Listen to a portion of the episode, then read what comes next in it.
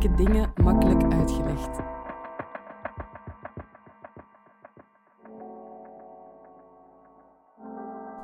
Dit is de podcast van Moeilijke dingen makkelijk uitgelegd.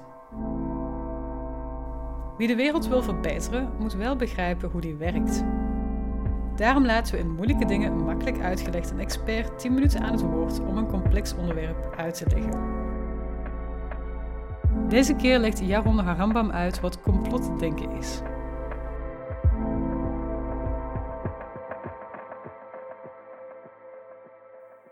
Mijn naam is Jaron Harambam en ik ben interdisciplinair socioloog aan het Instituut voor Mediastudies van de KU Leuven. Vandaag ga ik spreken over mijn onderzoek over complottheorieën. De waarheid is de laatste jaren steeds meer onderwerp van maatschappelijke discussie geworden.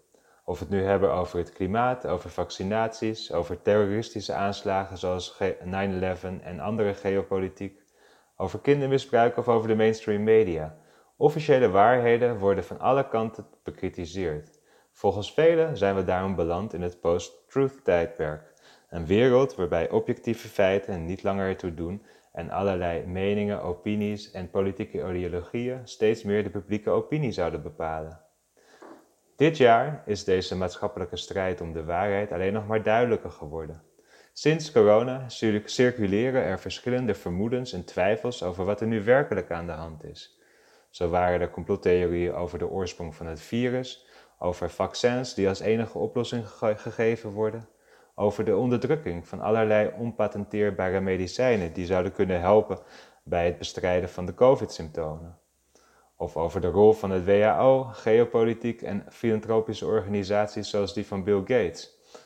Uh, maar ook waren er zorgen en twijfels over een komende totalitaire politiestaat, was er kritiek op de cijfers en modellen van besmettingen en corona-overlijdens, over de effectiviteit en proportionaliteit van de coronamaatregelen en natuurlijk over de relatie van corona met 5G en de wereldwijde uitrol van dat netwerk.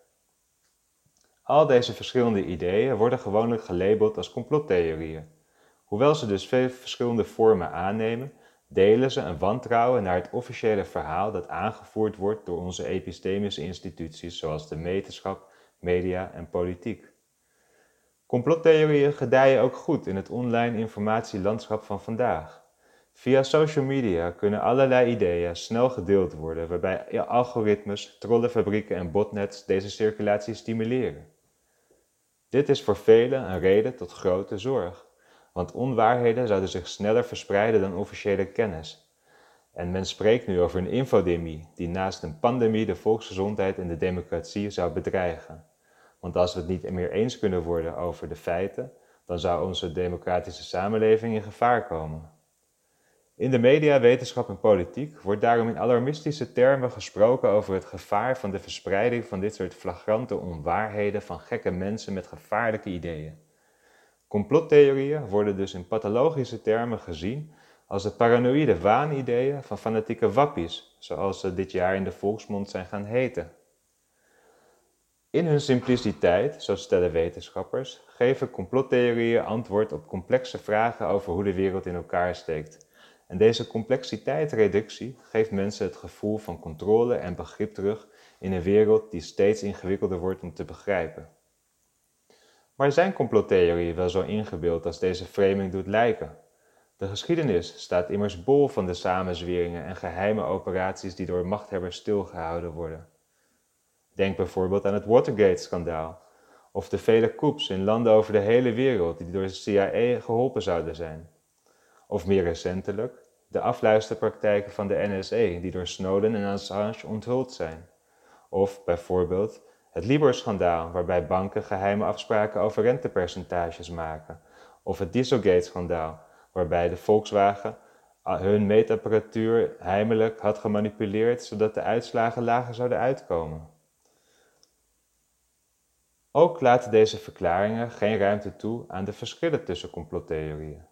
Ideeën over vaccins die microchips zouden bevatten om ons onvruchtbaar te maken en zo de wereldpopulatie te decimeren, zijn totaal anders in thema en plausibiliteit dan kritieken op bijvoorbeeld hoe coronabesmettingen gemeten worden of over de logica van lockdowns. Maar bovenal geven zulke analyses geen goed antwoord op de vraag waarom zoveel mensen tegenwoordig aangetrokken zijn tot complottheorieën. Of we moeten betogen dat grote delen van de bevolking als gek bestempeld moeten kunnen worden. Nou, om deze vragen te beantwoorden heb ik jarenlang etnografisch-sociologisch onderzoek gedaan om te achterhalen wie deze mensen die complottheorieën aanhangen nu zijn en wat hen eigenlijk drijft. Welke betekenis hebben complottheorieën voor deze mensen en hoe zijn zij in deze wereld beland? Maar ook, wat doen ze met die ideeën in de dagelijkse praktijk? Voor mijn onderzoek nam ik een neutrale of agnostische positie aan over de waarheid en moraliteit van complottheorieën.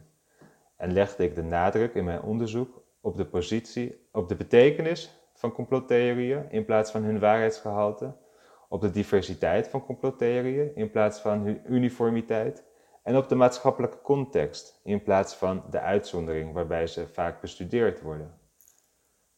Ik heb hiervoor mijzelf twee jaar lang of en online ondergedompeld in de wereld van complotdenkers.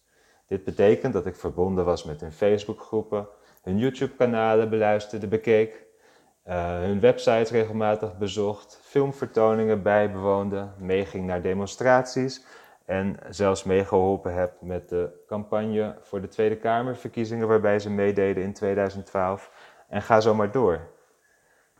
Ik gebruikte verschillende etnografische methodes, zoals gezegd deze participerende observatie waarbij ik in de leefwereld van de mensen wilde stappen en met hun meeleef, maar ook heb ik meer uh, interviews gehouden met uh, specifieke mensen om dieper op allerlei kwesties in te kunnen gaan. Daarnaast heb ik een inhoudsanalyse gedaan van de zeven grootste complotdenkerswebsites in Nederland om nu te bekijken wat de ideeën zijn die daar leven. Nou, in mijn proefschrift laat ik zien dat men complottheorieën aanhangt vanuit verschillende motivaties. Zo geven complottheorieën uiting aan onvrede over de werking van onze moderne instituties. Maar ook helpen ze woede te kanaliseren over de elites en de toenemende ongelijkheid in de wereld. Maar complottheorieën geven ook antwoord op zingevingsvragen over wie wij zijn en wat we hier op aarde eigenlijk doen. Ze bevredigen een hang naar het bovennatuurlijke, maar ook geven zij vorm aan wensen tot wereldverbetering of hoe wij dingen anders kunnen doen.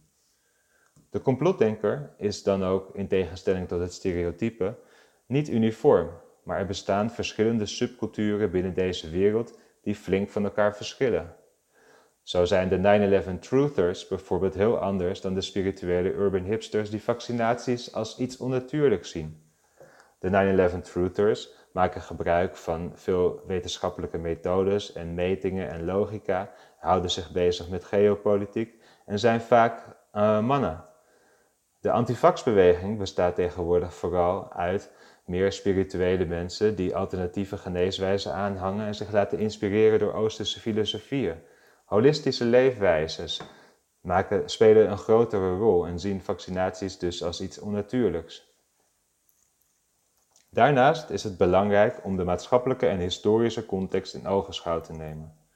Op basis van biografisch onderzoek laat ik in mijn proefschrift zien dat verschillende sociologische transformaties het vertrouwen in de media, wetenschap en politiek heeft doen afnemen, waarbij het geloof in officiële waarheden steeds meer op losse schroeven is komen te staan. Ik beschrijf in mijn proefschrift deze processen van secularisering, democratisering, mediatisering en globalisering. Nou, als je daar meer van af wilt weten, dan raad ik je aan om mijn proefschrift te raadplegen. Maar wat ik wil betogen is eigenlijk dat de verklaring die gangbaar is, dat complotdenken een soort van copingmechanisme is voor min of meer paranoïde mensen die niet goed snappen hoe de wereld werkt, veel te kort door de bocht is. De maatschappelijke antwoorden die worden gezocht in het verbannen van deze onwaarheden uit het publieke domein, bijvoorbeeld door de vele fact-check-organisaties die er zijn, of de contentmoderatie die gebeurt op social media, waarbij mensen uh, geblokt worden op deze platformen, zijn dan ook niets meer dan symptoombestrijding, wat vanuit mijn idee. Willen we namelijk echt wat aan het onderliggende wantrouwen van grote groepen mensen in onze samenleving doen, dan moeten er andere oplossingen bedacht worden, die beter rekening houden met de verschillende redenen waarom mensen complottheorieën aantrekkelijk vinden. En ik hoop dat we die kant op kunnen gaan, zodat meer mensen zich onderdeel voelen van de samenleving en het wantrouwen tussen verschillende bevolkingsgroepen en tussen de burger en de instituties kan toenemen. Je luisterde naar Moeilijke Dingen Makkelijk Uitgelegd. Ik ben Selma Fransen en samen met Curieus VZW en de buren organiseer ik de evenementenreeks Moeilijke Dingen Makkelijk Uitgelegd. Montage door Jelena Schmitz. Wil je graag reageren of een evenement bijwonen? Kijk dan op de Facebookpagina van Moeilijke Dingen Makkelijk Uitgelegd.